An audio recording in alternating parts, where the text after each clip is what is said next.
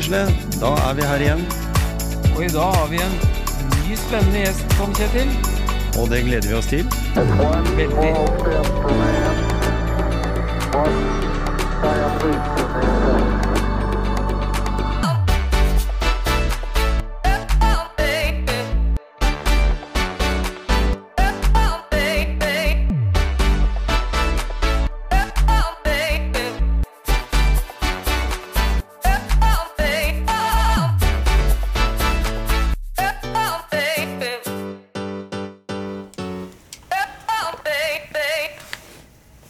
Ja, Gisle.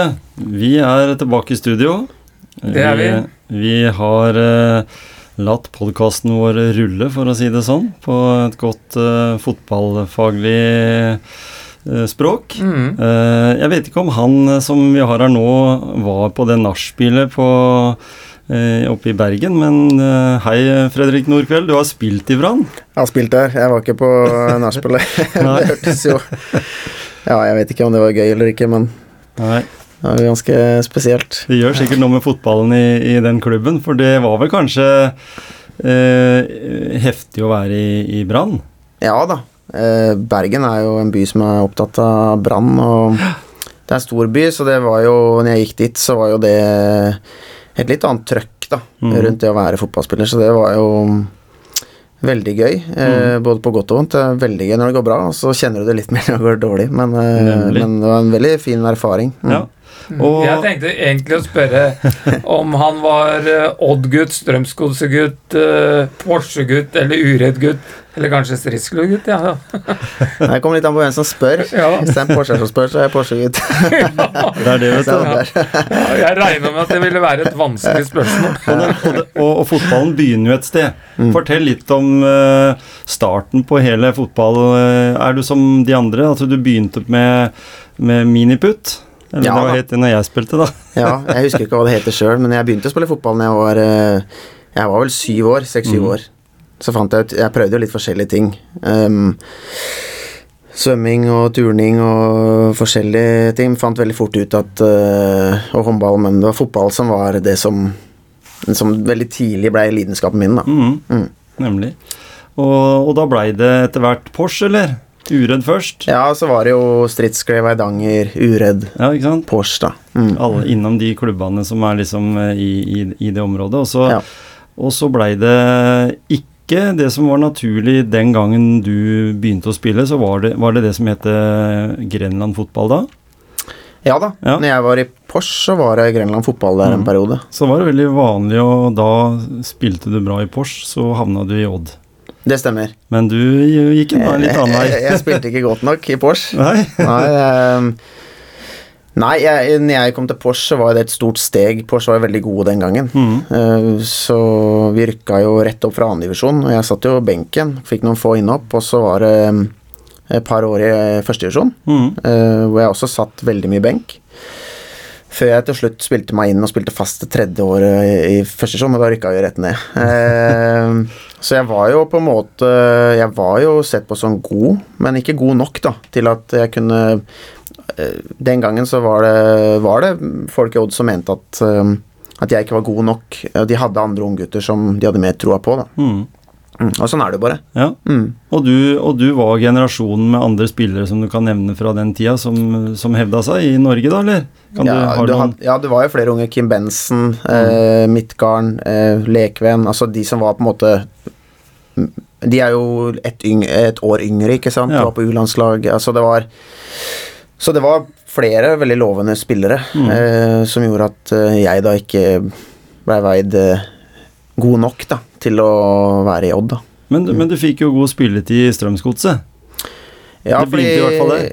Ja da, det stemmer. Jeg er, sånn, jeg er nok en sånn late bloomer, som det heter. Mm. Um, jobba jo veldig hardt bestandig og var veldig seriøs og hadde jo et stort ønske om å, å klare det. Og så var det veldig mye som skjedde på veien før jeg kom til Strømsgodset, men um?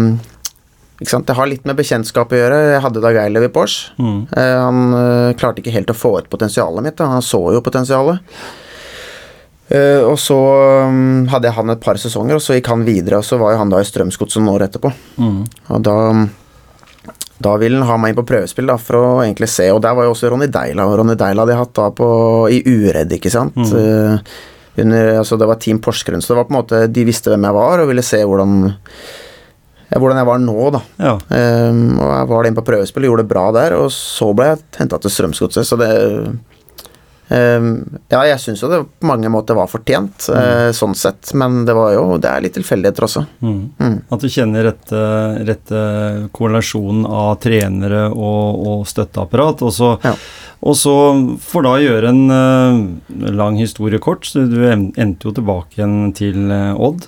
Ja. Og du, du var jo av de spillerne, sånn som jeg ser det i hvert fall, som på en måte kom tilbake for å hjelpe Odd litt igjen. da, fordi det, Du hadde jo vært litt ute og, og reist og spilt litt i andre klubber, og så kom du til Odd og fikk eh, Litt sånn som Frode Johnsen og Tommy Svindal Larsen og, og sånn gjorde da når de, når de kom tilbake. At du fikk et litt sånn ansvar, og det er ikke helt uten eh, Det gir deg jo en god del erfaring.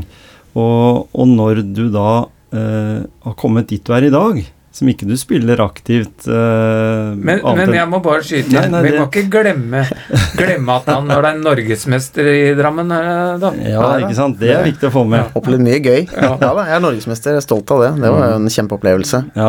Så jeg har vært uh, veldig heldig, da. Jeg må si Hvis jeg Ikke sant. Det er jo alltid lett å tenke at du skulle gjerne ønske at du oppnådde mer, men, men jeg ser tilbake på det, så er egentlig veldig fornøyd med at jeg klarte å bli profesjonell og, og levde av det ja, i egentlig 15 år, da. Mm. Um, opplevde utrolig mye kult og um, Ja, så når jeg ser tilbake på det, så er jeg egentlig på en måte veldig fornøyd med, med karrieren jeg har hatt, og takknemlig for det, egentlig. ja. Mm. Å ha 15 års karriere i Eliteserien, det er lenger enn du og jeg har greid å Gisle. Ja, jeg har, har ikke en time der oppe engang. Nei, ikke sant?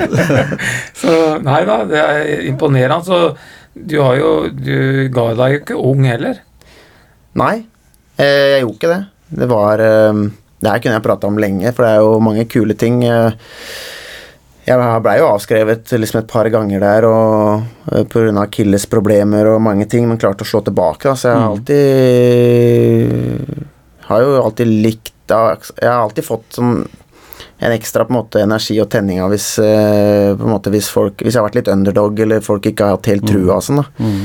Eh, så jeg holdt det på til jeg var 35, og um, Jeg husker faktisk også det at når jeg tegna min, min første sånn ordentlige kontrakt da, Altså, jeg var 21 da jeg kom til Godset, men da var jeg mer, nesten mer på sånn læreguttkontrakt, og så fikk jeg jo en mye bedre kontrakt da jeg var 24. Da husker jeg tenkte at hvis jeg kan spille fotball til jeg er 34, så skal jeg være fornøyd med det. Mm. Så spilte jeg til jeg var 35, og, og da var jeg så heldig at da var jeg fornøyd med det òg. Da når jeg, eh, når jeg ga meg, så var jeg eh, Da var jeg egentlig forsynt og hadde lyst til å ta fatt på et nytt kapittel, da. Mm. Mm. Ja.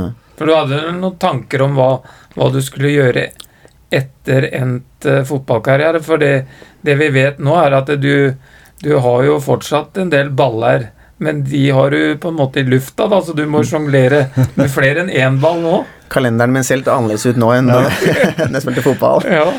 Nå, er det, jo- nå har jeg mange forskjellige ting jeg holder på med, og jeg er så heldig at jeg har det sånn. Da. Mm. Ehm, det som eh, Jeg har nok alltid vært en sånn person som har likt å holde på med en del andre ting enn fotball. Men det som var den utløsende faktoren eh, til at jeg virkelig begynte å tenke på tiden etter eh, fotballen, var en skade jeg fikk når jeg kom, faktisk når jeg kom tilbake til Odd. Første Mhm. hjemmekampen fikk jeg en veldig alvorlig kneskade. Og den var såpass alvorlig at det var ingen som kunne love meg egentlig at jeg kunne komme tilbake, så det var veldig sånn usikkert, da. Jeg brukte et år på det, å komme tilbake. Og når du går et år egentlig, og ikke vet om du Om kneet For, for jeg var tilbake på feltet etter en fem måneders tid. Men jeg hadde så store smerter at jeg klarte ikke å spille opp mot mitt beste i det hele tatt. Nei. Så hadde ikke de smertene gått bort, da. Eh, Så, ikke sant? så da er man jo på en måte ferdig. Mm. Og når du, når du har en sånn lang periode som det, så, så skjer det noe med deg også. Ikke sant? For i, starten så er du livredd for at du ikke kommer tilbake, og så etter hvert så tør du å tenke på at ja, men ok, så la oss si Ok, hvis det ikke går, da. Du gjør alt du kan for at du skal komme tilbake, men så begynner du å tenke at ja, ok, hvis det ikke går, hva da, ikke sant? Så blir det mindre skummelt å tenke på, da. Jo mer du tenker på det, så etter hvert så blir det sånn at du begynner å tenke at ja, det er bare fotballen du mister. Mm. Ja, at du begynner å tørre å tenke litt sånn. Og da begynte jeg å tenke i større grad på på andre ting i forhold til eh, eh, Ja, å forvalte inntekten min litt bedre, kanskje, og begynte å tenke litt mer på hva jeg kunne ha lyst til å gjøre etterpå. Sånn. Så jeg, det er noe jeg ikke har tenkt på egentlig i flere år. Da. Så når jeg var 35, så Så jeg syns jo fotball var fantastisk gøy. Men uh, når jeg da var 35, og, og sånn, så kjente jeg at nå er tida inne for å For å begynne med noe annet. da. Mm. Er det noe i fotballen som du tar med deg videre nå, som du har lært og kan eh, benytte deg av i, i ditt eh, videre yrkesliv, da? Ja, ja, helt klart. Fordi at eh, når du lever som en toppidrettsutøver, så er det ganske mange ting du skal gjennom, og ganske mange ting du lærer, da. Mm. Eh, og erfarer, ikke minst, da.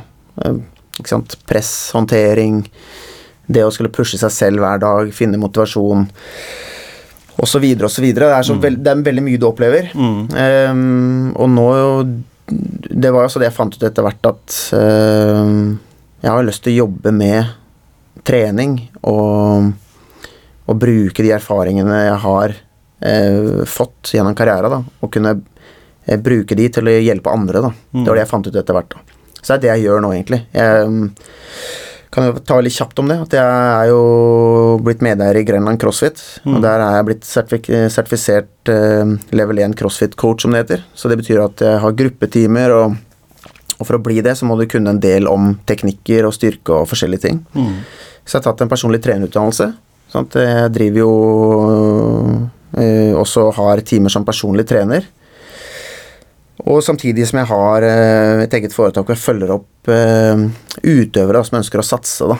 Um, noen har jeg bare online, men andre følger jeg opp fysisk én til én også. Det kan være at jeg jobber med de både fotballmessig og, og inne i gymmen. Da. Mm. Og da får jeg brukt veldig mye av det jeg har lært. Da. Og da er det ikke bare det at uh, du skal jobbe hardt. De har mange spørsmål om mange ting. ikke sant? Når du er Mm. ung, så 14-15-16 år, eller eh, Så er det fint å få veiledning og svar på noen spørsmål du har, da. Så jeg får brukt veldig mye av det jeg har For jeg har gjort veldig mye riktig og veldig mye feil opp igjennom. så da er det fint å kunne eh, hjelpe andre til å, til å gjøre mye av det riktige, og lite av det som er feil. Mm. Men, men, så får, men så får du vel også sånn som du sier om deg sjøl, at, du- at du begynte litt sånn trått ikke sant, fra starten, mens du så kanskje andre spillere utvikla seg raskere. da, så, så er jo det også en god greie også å komme med det hintet til uh, utøvere i dag. fordi det er jo noen som skal skynde seg litt fort. Altså de, de tror med en gang de får en ball og en United-drakt eller et eller annet at de skal bli proffer, liksom. For, for, for det, det, det som du sa her tidligere, at du er jo profesjonell spiller i Norge også, men det er, alt er jo liksom basert på inntekt, altså hvor mange nuller det er Mm. bak den inntekta, da. Ja. Eh, er det litt sånn at, det, at du får no, må få noen litt ned på landjorda før du på en måte kan begynne å jobbe med det, eller er det mange norske gutter som er, og jenter da, som er eh, ganske realistiske? Nei, jeg tror vel heller at det er i, altså motsatt, stort Mm. sett. Altså Det er klart du får opp noen unggutter i klubber som, eh, som er høyt oppe, og som kanskje da får en reality check. Eh, det man ofte ser i klubber, er at unggutter kan jo komme opp, og så er de gode på trening i de to-tre første ukene. Mm. Og så får de en down, for da får de kjenne på hva det krever, ikke sant. Uke etter uke etter uke etter uke. Du får liksom og, og spillerne i garderoben blir kjent med deg, begynner å kjenne spillestilen din, og så, så får du ikke til så mye lenger som du gjorde da du kom opp da. Men jeg føler jo ofte at det er motsatt i forhold til de aller fleste. At du At de tror kanskje for lavt om seg selv, eller gir opp litt for tidlig. Mm. At du er 14-15 år da, og ikke får til så mye, Ja. og har ikke trua på at du kan bli proff. Eller at du ser at uh, jevnaldrende ikke sant, spiller på Ja, når jeg vokste opp, så var det i hvert fall kretslag og sonelag og u-landslag, ikke sant. Mm. Så er du ikke med sjøl, da. Og da kan det være veldig motiverende å snakke med f.eks. en som meg, da, som aldri var på noe u-landslag. Og som på en måte ikke fikk sjansen i noe eliteserie eller førstedivisjon eh, som 17-åring. Altså at det tok tid, da. Jeg brukte veldig lang tid på å klare å ta det steget opp til på en måte senior, da, for å si det sånn, på høyt nivå.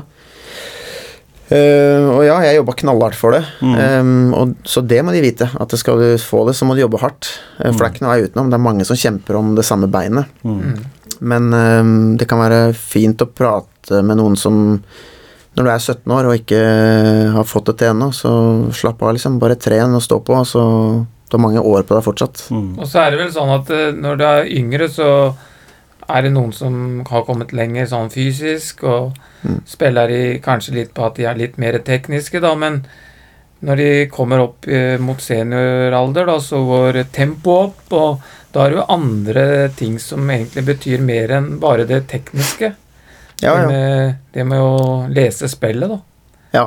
Og det er jo Det er jo ofte jeg har spilt kamper mot annendivisjonsspillere som har blendende teknikk og kjempebra tekniske. da. Eh, men mange av de spillerne klarer aldri å ta det siste steget. De får kanskje sjansen, men de klarer ikke å se helt gjennom på øverste nivå. fordi at da er tempoet litt annerledes, det krever litt større forståelse. Det er flere ting inne i bildet, da, ikke bare ren teknikk. da. Mm. Så det er jo ganske sammensatt, og det er også det som gjør fotball så morsomt. da. Og det er det å være en lagspiller òg. Du kan jo ikke ha elleve like spillertyper på banen. Så det er jo det å som trener å sette sammen ulike ferdigheter og relasjoner og Så det er jo veldig Veldig stort, egentlig, da, på en Mm. måte, og komplekst. Mm. Og, og da har jeg lyst til å spørre, for, for når du, Fredrik Nordkvelde, sier at du jobber med unge talenter, da. eh, kan du si litt om hva du mener sjøl, nå for å gjøre litt selvskryt, hva du var god på på banen? Som du nå har muligheten til å videreføre også. For det, det er jo klart at de gode egenskapene er jo viktig å få fram også overfor de kommende talentene du snakker om. Eller Absolutt. snakker med. Mm. Ja da. Jeg hadde jo en, eh, en sånn En X-faktor egentlig i Vil jeg si i, i hurtighet og driv, da. Mm. Og skudd, på en måte. Ja. Sånn at jeg kunne være en målfarlig indreløper. Mm. Ehm, men grunnen til at det tok så lang tid på mange måter for meg å få det ut, eh, var jo også fordi at jeg var ikke den beste relasjonsspilleren. Ikke fordi jeg, jeg var ikke egoistisk, jeg var veldig uegoistisk, men min svakeste side som fotballspiller i mange år var det å ha, å ha godt nok overblikk og relasjonsbygging på banen og ta valg tidlig nok, da. Mm. Eh, Så jeg gjorde mange fine ting med ballen og, og dro meg gjennom ledd og skapte overtall. Og det var situasjoner jeg var komfortabel i, men jeg, det var mange situasjoner jeg kunne vært veldig mye bedre i. Og, og, og det er jo det som er så gøy med å jobbe med unge, for at uh, du skal dyrke det de er gode på, Mm. men du skal også bevisstgjøre de på eh, ting de ikke er så gode på, og ting som er viktige. da. Mm. Og det er det som jeg føler at et trent øye kan hjelpe dem i større grad, da. Enn en på en måte Altså, det er fantastisk med foreldretrenere som stiller opp og bruker all fritid. Det er kjempebra. Mm. Eh, men noen ganger så trenger utøverne bare å få litt mer spesifikke tilbakemeldinger, da. Mm. Eh, litt mer på detaljnivå. Ja. Og litt mer bevisstgjøring da, på hvordan de kan eh, trene seg selv bedre. For de kan være Når jeg har hatt mange timer med utøvere, så er ikke jeg opptatt av at de skal komme til meg uke etter uke etter uke etter uke bare for at de skal være i jobb med meg. Eh, etter en del treninger så er de blitt såpass bevisst på hva jeg mener er viktig. Mm. Så tar de det med seg inn i treninga. Og så kan det heller være at jeg kommer og ser de spille en kamp i ny og ne. Gir tilbakemeldinger på det. Har, har du utvikla den delen av spillet? Hva er bra nå? Hva kan vi justere på? Mm. Og det er superinteressant, da. Eh, så du skal på en måte prøve å forsterke de dårlige sidene, så skal du også dyrke de gode, da. For at eh, har du en X-faktor på en måte på et vis, så, så er det, det er fint å ha, da. Mm. Skal du ikke prøve å skal ikke prøve å dempe den bare for at det skal bli mye bedre med eller i andre deler av spillet ditt. Ja, for- Men nei, ja, ja, bare ta det du, ja, nei, jeg bare tenker på det, det, det, her, det her er jo musikk i mine øre, ører, da. For at det, jeg tenker at i en sånn stor gruppe eller på et lag, da, så, så er det jo vanskelig for den ene treneren og den foreldretreneren å, å komme så innpå hver enkelt, da. Mm. Men, men er det her eh, Det du har starta opp nå, er det noe unikt i Norge nå, eller er det, har det, er det andre som driver med det samme? Eh, om det er unikt i Norge, vet jeg ikke. Eh, det er ikke sant, Jeg har gjort masse research rundt det, men eh, jeg har ikke sett noe av det. Jeg vet det er spillere som Eller mennesker som gjør det. Mm. Eh, I andre land og sånn. Eh, så det er ikke sånn at konseptet er sånn helt nytt uh, sånn sett. Uh, for at det, fotballen eller all idrett går nok mer og mer den veien der at ja, du har en gruppe, men du må også forstå at den gruppa kan ikke behandles eh, likt, da. Noen år tilbake så var det sånn at eh, alle ble behandla likt i mye større grad. ja, løpetrening. Alle bare skulle løpe så og så langt, alle skulle gjøre så og så mye, men det er ikke riktig for alle. Alle er satt sammen på forskjellige måter. Ikke bare mentalt, men også fysisk, da. Eh, Så det er jo blitt mye mer vanlig at spillere utover i Europa har helt egne fysiske trenere. Ansetter sine egne fysiske trenere som blir kjent med utøveren, som forstår hva som er riktig for den utøveren. Eh, På en måte i mye større grad da enn som du sier, en trener som skal prøve å, å, å se på alle. Det er helt umulig, det. Og det å få um, Og det å jobbe med en da som kan gå liksom litt mer i sømmene med deg, og på en måte lære deg opp og jobbe litt eh, Jobbe mer med detaljer og eh, Ja, vi snakka om det litt før vi gikk på i studio her, i forhold til læringskurve, da, ikke sant. Mm. hvis du skal finne ut det meste selv, så tar det ganske lang tid. Mm. Eh, du finner ut av det til slutt, men eh, etter hvert så når du et punkt hvor du ikke blir bedre òg, du må jo Du har jo Selv om vi snakker om her og god tid, så er det jo Du har jo ikke ubegrensa med tid. Nei, du kan ikke spille til du er over 50.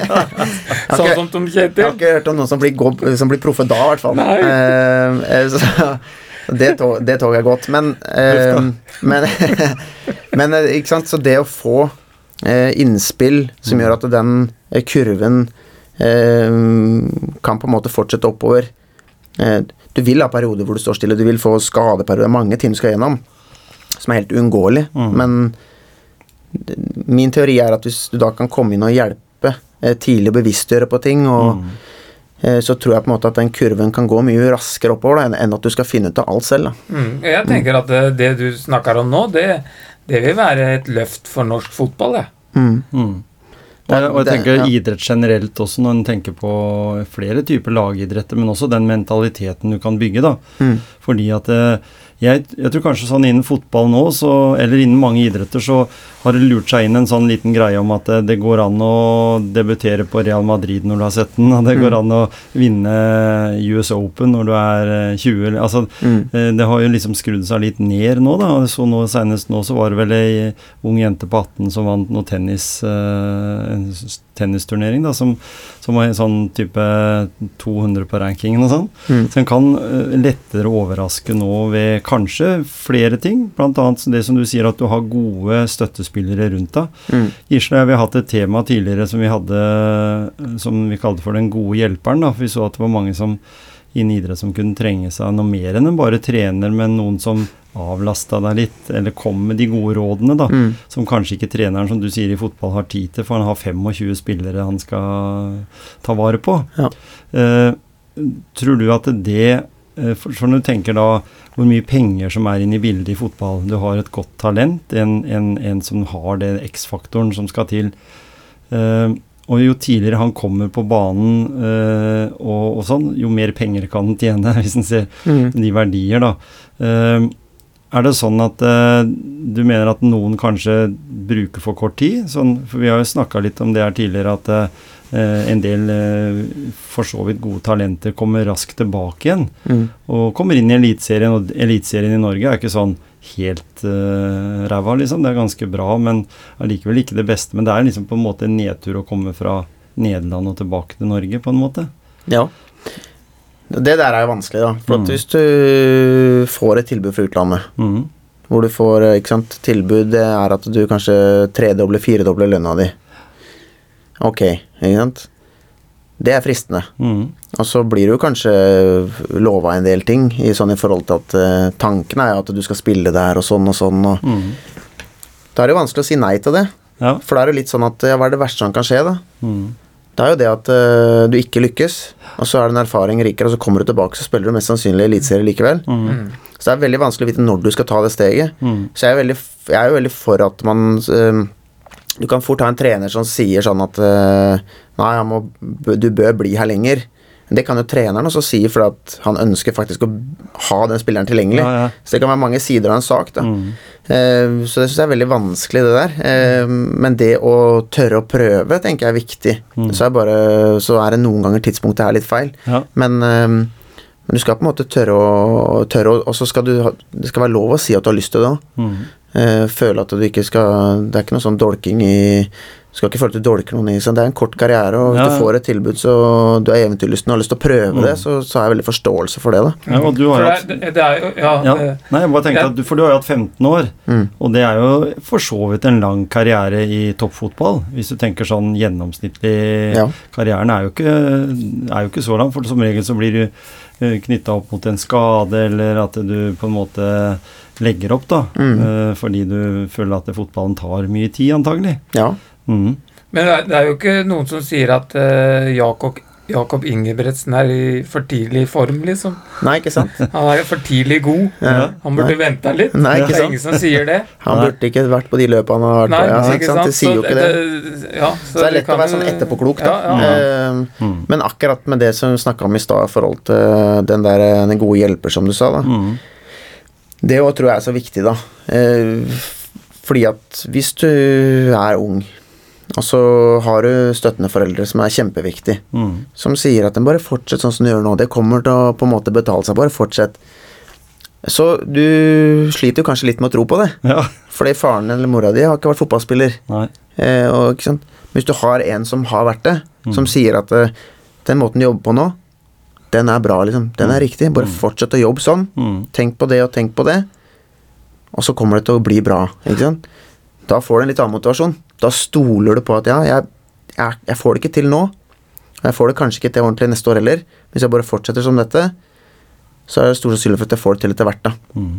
Sant? Da får du en som har vært i samme situasjon, mm. som forteller at eh, men Jeg kan jo si at den måten du jobber på nå, den er bedre enn den jeg jobba på. Mm. Sant? Fordi at eh, det er bevisstgjøring.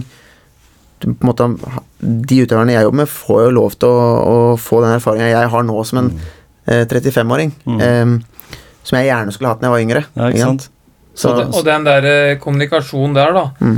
eh, med den derre å, å, å fortelle at man kan ha, må ha tro på det, Mm. det er jo en vanvittig bra indre motivasjon Mm. for den enkelte utøver. Ja. Som får den der lille lille hva, hva heter det for noe? Det er en fyrstikka til å brenne lenger, på en måte. da Mm. Være en flamme. mm, Og, og da, da blir jo PFT-en, Freddy Nordkveld, da. Personlig fotballtreneren. ja, det Ikke blir sant? faktisk det. Ja, ikke sant? Ja. For da får du den der direkte kontakten. Jeg vet jeg så et program på, på en av de en engelsk kanal en gang om eh, Middlesbrough, for de gjorde et et prosjekt på det der. Mm. At de ansatte nesten én trener til hver eh, spiller. Mm. Og, og det har jo gjort mye forskning i, eh, i England på akkurat det der med noe som du nevnte her før vi kom på lufta. Dette her med å ha blikket. Mm. Kunne se, og kanskje til og med forutse litt hva som kan komme til å skje på banen. Eh, da har jeg lyst til å spørre Du har jo spilt med Tommy. Mm. Han Nei, jeg har ikke spilt med Nei, du Tommy, ikke spilt med men jeg har sett den spille Ja, ikke med. sant? Mm. Uh, jeg tenker, tenker på sånn i forhold til det å ha overblikk, da. For det er jo noen, kanskje noen ser uh, norske spillere sliter litt med, og når de kommer da ut i Europa, så lærer de seg det kanskje, eller kanskje de bare har hatt det i seg. Mm. Uh, tenker jeg sånn Av spillere som du har spilt med, da. Hvem er det du føler kanskje har vært den som har gitt deg de beste ballene, eller har hatt det beste overblikket på i den, din karriere? Har du noe navn å komme med? Som du har blitt motivert veldig, av?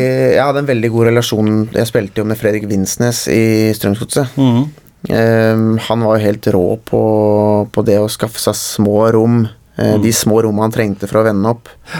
Og så fikk jeg en enkel jobb med at han bare dytta meg opp i mellomrommet, så slapp jeg å ta meg av den uh, biten der i frispillinga. Så han var jo helt uh, Eller han var veldig flink på det. Mhm.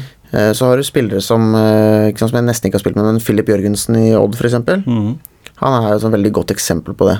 Han har Mm. på en måte eh, Sånn jeg har skjønt, da, så har han på en måte gått litt under radaren i lang tid. Mm. Og så plutselig så eksploderer han, da. Fordi at han jobber så godt da med blikket sitt hele tida. Mm. Og hvis du ser han spiller, og hodet går hele tida Helt rå på det. Og selvfølgelig kommer han til å ha mange dårlige kamper for han er ung. Mm. Men han er så flink på det der og jobber så riktig at eh, hvis han først tar steget, så tror jeg det er mye lettere for han å ta det. Mm. Fordi at han er så flink på å skaffe seg informasjon. Mhm. Og, um, og der skulle jeg veldig gjerne ønske at jeg var veldig mye flinkere sjøl. Mm. Men det er veldig vanskelig å lære det i voksen alder, Mm. når du ikke har vært så god på det før.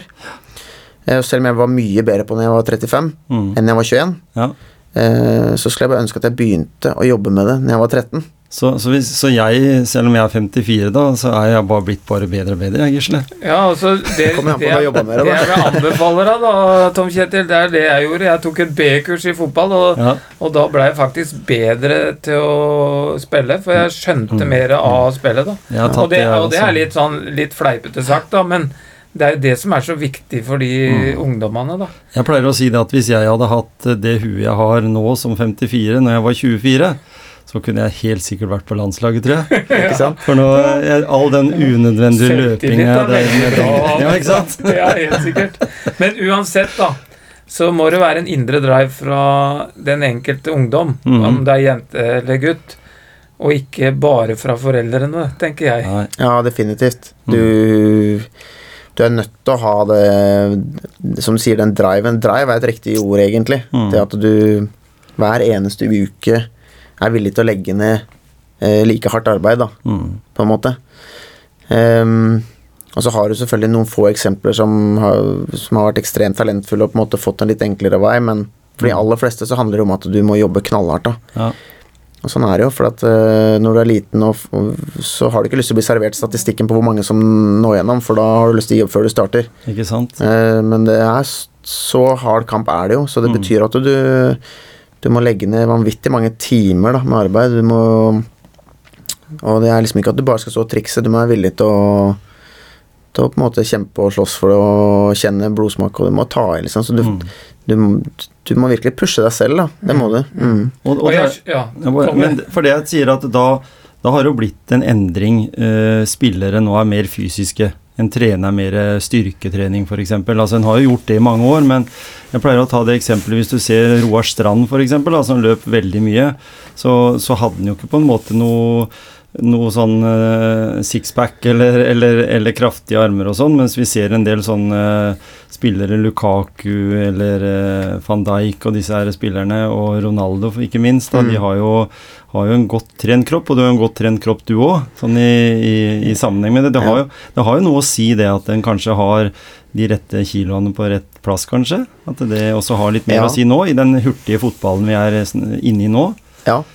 Det er nok ikke sånn at man kanskje trener mer tungstyrke enn før. Altså, det var en periode før man drev og trente, veldig mye tung knebøy og drev og løp veldig mye fire ganger fire og sånn. Mm. Eh, nå er det mer spesifikk trening, men fotballspillerne er mer sånn komplett i dag, ikke Ja. Det, er ikke, det er ikke rom for eh, sånn som Sånn som folk assosierer eller tenker om fotballspiller eh, Fotballspillere er jo litt at, ikke sant, sånn gladgutter som er ute på byen og tar Mm. en øl etter kamp og lever det gode liv og sånn, men de spillerne er ikke rom for lenger. Nei. Det er så høyt fysisk nivå at du at eh, samtlige fotballspillere nå er veldig profesjonelle, da. Mm. Og det er derfor du også ser at gutta har sixpacker og sånn, for at Mm. det, det er på en måte så eh, hardt fysisk arbeid da, som Mm. kreves hele Mm. tiden. Mm. Ehm, så da blir det et resultat av det. Men Ja. ja, selvfølgelig er det styrketrening, og det er mange timer som foregår i gymmen, kan du si også. Mm, Mm. Og det er jo så er det lenge siden eh, John Barnes og Jan Mølby var sånne forbilder for fotballspillerne, vil jeg tro. Ja, det bli noen år siden. Ja, kom med det, Gisle. Du Nei, hadde jeg, jeg bare tenkte å trekke det litt uh, videre, ja, for jeg, jeg skjønner jo det at uh, Fredrik, han uh, Han har jo en veldig sånn derre Han klarer å se hver enkelt person, for det må du jo når du også driver én til én, da. Mm. Og da tenker jeg litt, da drar jeg litt over elva her til crossfiten. Mm. For der òg er det jo forskjellige personer som kommer og trener, og nivået er forskjellig, og så du må jo på en måte se hver enkelt eh, individ for seg sjøl, da. Ja. Men det også, eh, det også er en annen ting som jeg er litt opptatt av. Det er Folk er kanskje litt redde fordi at de tror at crossfit det er bare for de råeste, da. Og det mener jeg at det bør ikke være. Nei, overhodet ikke. I forhold til det første du sa, da, å se den enkelte, det er noe som engasjerer meg litt, da. Eh, Det syns jeg er spennende. ikke sant? Å Mm. prøve å finne ut av ikke sant? Alle trenger forskjellige tilbakemeldinger. Hvilke knapper skal du trykke på? ikke sant? Og Der har jeg opplevd mye fra min egen profesjonelle karriere også, hvor treneren trykker på helt feil knapp. da. Og den feil knappen kan jo gjøre bare at, eh, ikke sant? at eh, bare energien går helt fullstendig ut av gruppa. ikke sant? Mm. Det er interessant. Og så sier jeg ikke at man gjør mange feil sjøl òg, men det er interessant, da. Og, og sånn jeg jobber som coach på CrossFit-senteret, så noe av det som er liksom drivkrafta der, er at eh, jeg blir en bedre Jeg føler Jeg har lyst til å bli en bedre coach hele tiden. Og da er det jo det som du sier at uh, Så uh, man ønsker jo alle i rommet en god opplevelse. Du må se den hver enkelte, du må skalere det ned, du må tilpasse, ikke sant, motivere. Noen, uh, noen kjører litt hardere, for du merker at det er det de liker, ikke sant. Mm. Og så Eh, så det er jo veldig, det er veldig vanskelig, da, og veldig morsomt samtidig. Mm. Eh, og samme er det jo ikke sant, i en fotballgarderobe. Eh, og så er det tilbake til crossfiten. Ja. hvorfor begynte jeg Hvorfor ville jeg inn i crossfiten, ikke sant? Det, det, er fordi at du går fra et fotballmiljø, og så når du kommer over på et lite senter som Grenland CrossFit er, i hvert fall når du sammenligner det med de store aktørene i Norge, så er du på et lite senter.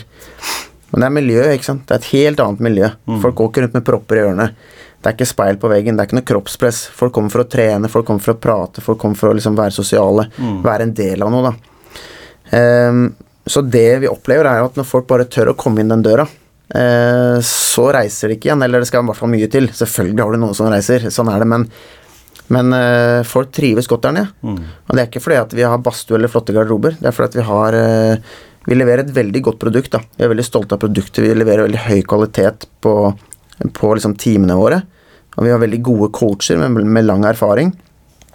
Sånn at vi vet at vi ivaretar medlemmene på en veldig bra måte da, i forhold til hva de får i medlemskapet sitt. da. Så hvis du trener på en måte på crossfiten hos oss eh, to ganger i uka, da kommer du i ganske bra form. Mm. Kanskje ikke du som allerede er i superform, men eh, for en vanlig person. da. Og du, du, du tipsa ikke Du sa ikke meg. men, men det er for alle. Mm. Vi har alle aldersgrupper.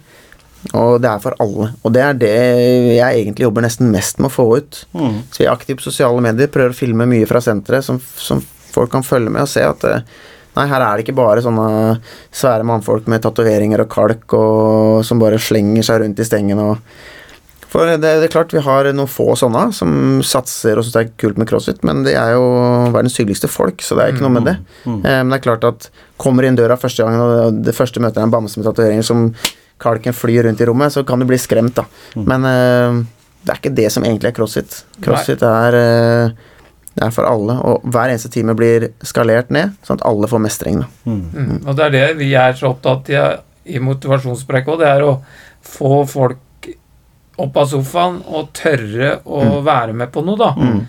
Og da tenker jeg det å komme der at uh, det, er, det, er, liksom ikke farlig. Nei. Det er for alle. Det er det. Og så må jeg bare si, da Altså, hva er crossfit egentlig? Det er jo funksjonell trening. Eh, Spesialiseringa til crossfit er at det ikke er spesialisert. Sant? Det er ikke mm. sånn Hvis du trener på crossfiten, så blir du ikke en sinnssykt god løper. Du blir ikke en sinnssykt god styrkeløfter. Du blir bare bra Du blir bra på alt. da. Mm. Du blir sterk. Nemlig. Du blir gjennomtrent. Um, og det er funksjonelt da, ute i hverdagen din. Mm. Uh, og så Det som også er kult med crossfiten For de aller fleste så er det sånn at hvis ikke du har registrert deg på en app hvor vi legger ut øktene, så kommer du på senteret, og så vet du ikke hva du kommer til. Så du blir tatt ut av komfortsonen din hele tiden. Men det mm. blir jo alle i rommet. Mm. Så alle er med på den samme reisen. Mm. Og hvis du, hvis du, skal motivere deg til å gjøre det selv, så skal du være ganske flink til å motivere deg hver dag til å pushe deg på samme måte som du blir pusha på senteret. Mm, mm. Så jeg vil si at uh, når du da Hva du får på en time hos oss, da, er Hvis ikke du er helt ekstremt flink til å trene på egen hånd, så, så får du mer på senteret enn du ville gjort på egen hånd. Da, for at mm. du, du, blir revet med i timen, du blir pressa litt ut av komfortsonen din. Du lærer noe hver eneste time. ikke sant? Coachen mm. er der, de veileder, ordner. Så du blir på en måte dyktigere òg, da. Ikke bare at du blir bedre form, du blir på en måte dyktigere i forhold til teknikker og ja, lære noe kroppen på én måte, da. Ikke ja. sant? Så, og, og, trene på en tryggere måte, da. Mm. Mm. Og, det, og, den eh, Det er jo ofte sånn, jeg har i hvert fall vært i den et par ganger, så trener du veldig mye på treningssenter, på et vanlig, tradisjonelt treningssenter, da, så, så kommer du i en sånn fase der du er litt drittlei. Mm.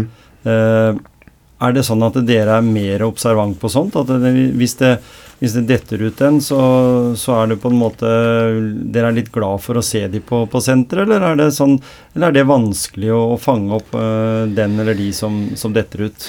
Nei, Det er jo vanskelig å fange opp, da, men det er jo ikke sant Når folk kommer på senteret til meg, så kjenner jeg jo Nå etter jeg har vært der noen måneder, så kjenner jeg de fleste på fornavnet. Ja. Mm. Så jeg møter de, snakker med de hilser på de med navnet deres, og de føler de er en del av noe. De som er og trener, kjenner de fleste andre i rommet etter hvert. Og, eh, og så går du ikke så fort lei deg, for at eh, Altså Hvis du har trent hos oss i tre år, så får du fortsatt servert økter du ikke har hatt før. Mm.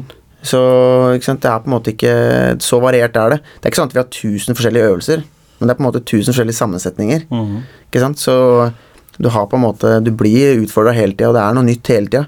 Så du går ikke på en måte i det samme sporet og, og går lei på samme måte. Da. Nei, ikke sant. Og, det, og du bruker det også, som du sa i stad, du bruker det erfaringa du har fra garderoben, da. For det er jo det jeg savner mest med fotballen, da, etter å ha ikke spilt fotball siden For jeg spiller jo på det nivået som, som gjør at vi måtte legge opp fotballen når koronaen kom.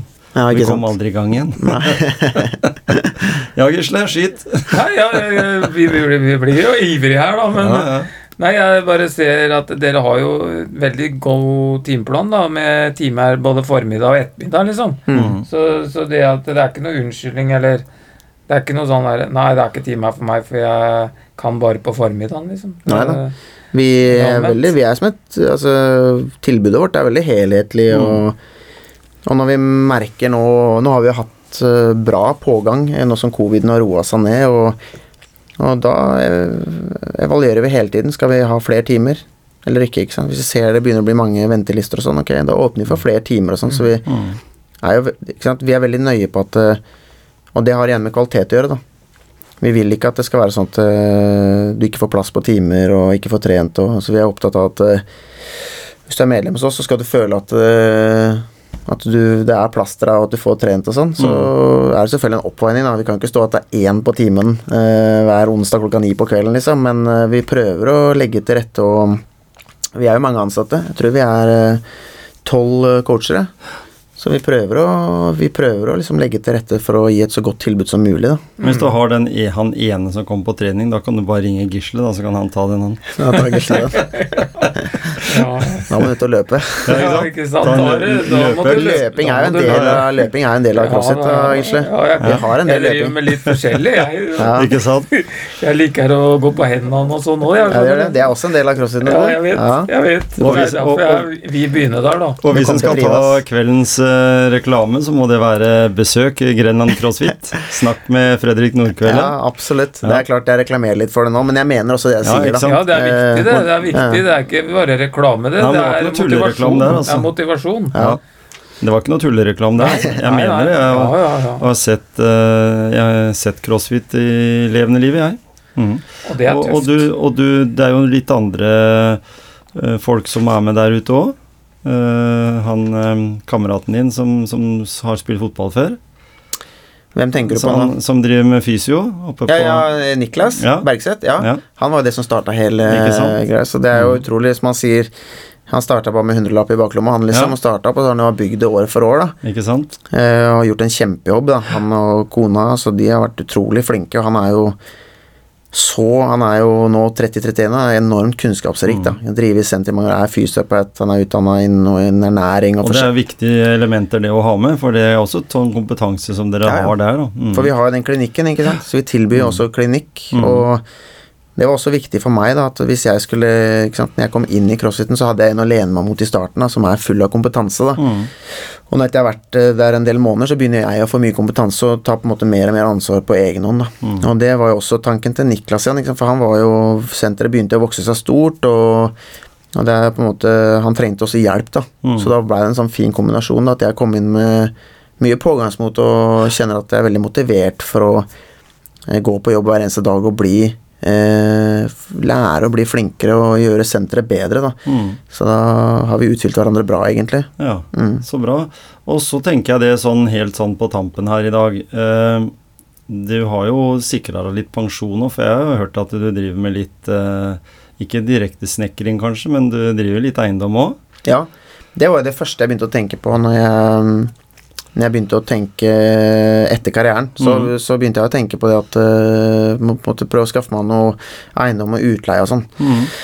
Så det er riktig. Jeg har, eh, jeg har litt eiendom. eh, Litt eh, privat og litt i næring og jeg er akkurat ferdig faktisk å bygge en firemannsbolig. Mm. Um, så jeg er litt sånn involvert der, men men jeg skjønte også på en måte etter hvert at det er ikke det som er mitt sterke felt. Altså Der er jeg, der har jeg også tråkka feil, gjort feil og tapt penger og tjent penger, men, men eh, Og det syns jeg er interessant, og jeg er veldig glad i å ha ting å gjøre. Jeg er glad i litt risiko og holde på litt sånn, men det er liksom ikke der jeg har min eh, mastergrad, Nei. for å si det sånn. Ja, det er derfor jeg sier at det er det er pensjonsfondet pensjonen. ditt. Så det har jeg, på, det har jeg litt sånn i bakhånd. Jeg, Mm. Men så er, det, så er det trening og helse, for å si det sånn, da, Mm. eh, som er på en måte det jeg syns er morsomst. da. Ja. Og så er du jo fortsatt en veldig ung gutt, da, så du kan jo Du har jo, du har jo fortsatt uh, spillekarrieren din i et uh, lag som du da igjen hadde dine første fotballsko i, omtrent. Ja, nå er jeg tilbake i Uredd og um, har lyst til å hjelpe de. da. De har lyst til å opp i en divisjon, og da har jeg lyst til å være med på det. Mm. Uh,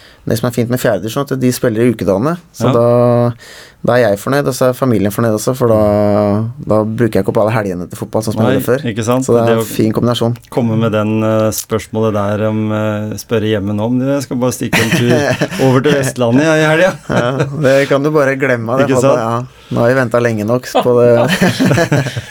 så det blir jo i så fall rykke opp, så blir det opprykk med en liten bismak. Det, der, for da, hvis vi rykker opp med Uredd, så er vi tilbake i tredje divisjon, og da er det helgespilling. Ja. Eh, så da tenker jeg at da må jeg bare høflig takke for meg, og så Ja. Du kommer, du kommer helt sikkert til å være en motor i laget, fordi Ja. ting er jo det at eh, en er en, på en måte en spiller på banen, da. Mm. Men en kan jo også være den tolvte mann, eller en kan jo være den Ja. spilleren som uh, skaper eh, atmosfæren i klubben, da, selv om den ikke er den som på en måte Altså alle, alle la Jeg vil jo si at den gangen jeg spilte fotball på i forrige århundre, eller forrige årtusen, Mm. Eh, og, oppover, så, så var det jo alltid på en måte en god trener vi var på jakt etter i, i breddefotballen. For vi dreiv jo stort sett og bytta på hver trener trenere sjøl. Ja. Så, så, så var det liksom den der ene. Så jeg husker vi hadde faktisk uh, et år der vi ansatte Torbjørn Gravklev, en gammel Porsche. Mm. Uh, og han hadde jo da gått eh, det de kalte for eh, C- eller D-kurs, og gå, tatt liksom praksisen i Italia, faktisk. Han Ja. hadde jo det her, og kom til oss og sa at det er ikke så farlig gutter å begynne å trene tidlig på, på mm, vinteren, fordi vi kom jo til grusbaner og ispiger og sånn den gangen. Så det hold, i Italia så begynner det tre uker før. Ja. og de bare løper og løper og løper og løper. Og så begynner de å spille litt fotball når kampene begynner. da, Så det var liksom den praksisen vi hadde. Men vi, vi gjorde faktisk beste sesongen vår, vi altså, når vi begynte med det. På Ja. den lavere nivå. For jeg Ja. mener alltid at på, i breddefotballen så er det én ting som gjelder. Kondis. Det er det. Du kommer langt med kondis. Kommer veldig langt. det gjør det. Men, Men det du må holder ikke i at du skal oppover i systemet, vet du. Du må være forberedt. Da krever det litt mer. Ja. Ja. nemlig. Og der var ikke vi. Vi hadde mer enn bare brus i kassa i garderoben. Uff, uff, uff. Veldig hyggelig, Fredrik, at du tok turen til eh, motivasjonspreik. Vi prater gjerne med deg en uh, seinere, vi, når uh, vi har fått vært ute og kikka på senteret. I hvert fall Gisle. Han Ja. skal ta en liten tur. Nei, men Så- det var uh, veldig hyggelig å være her. Ja. Så um, får vi håpe at vi ses på senteret etter hvert, da. Det hadde vært veldig ja, gøy, det. Ja, ja. Så um, Absolutt. vi prates igjen, det er jeg sikker på. Det gjør vi. Det gjør vi.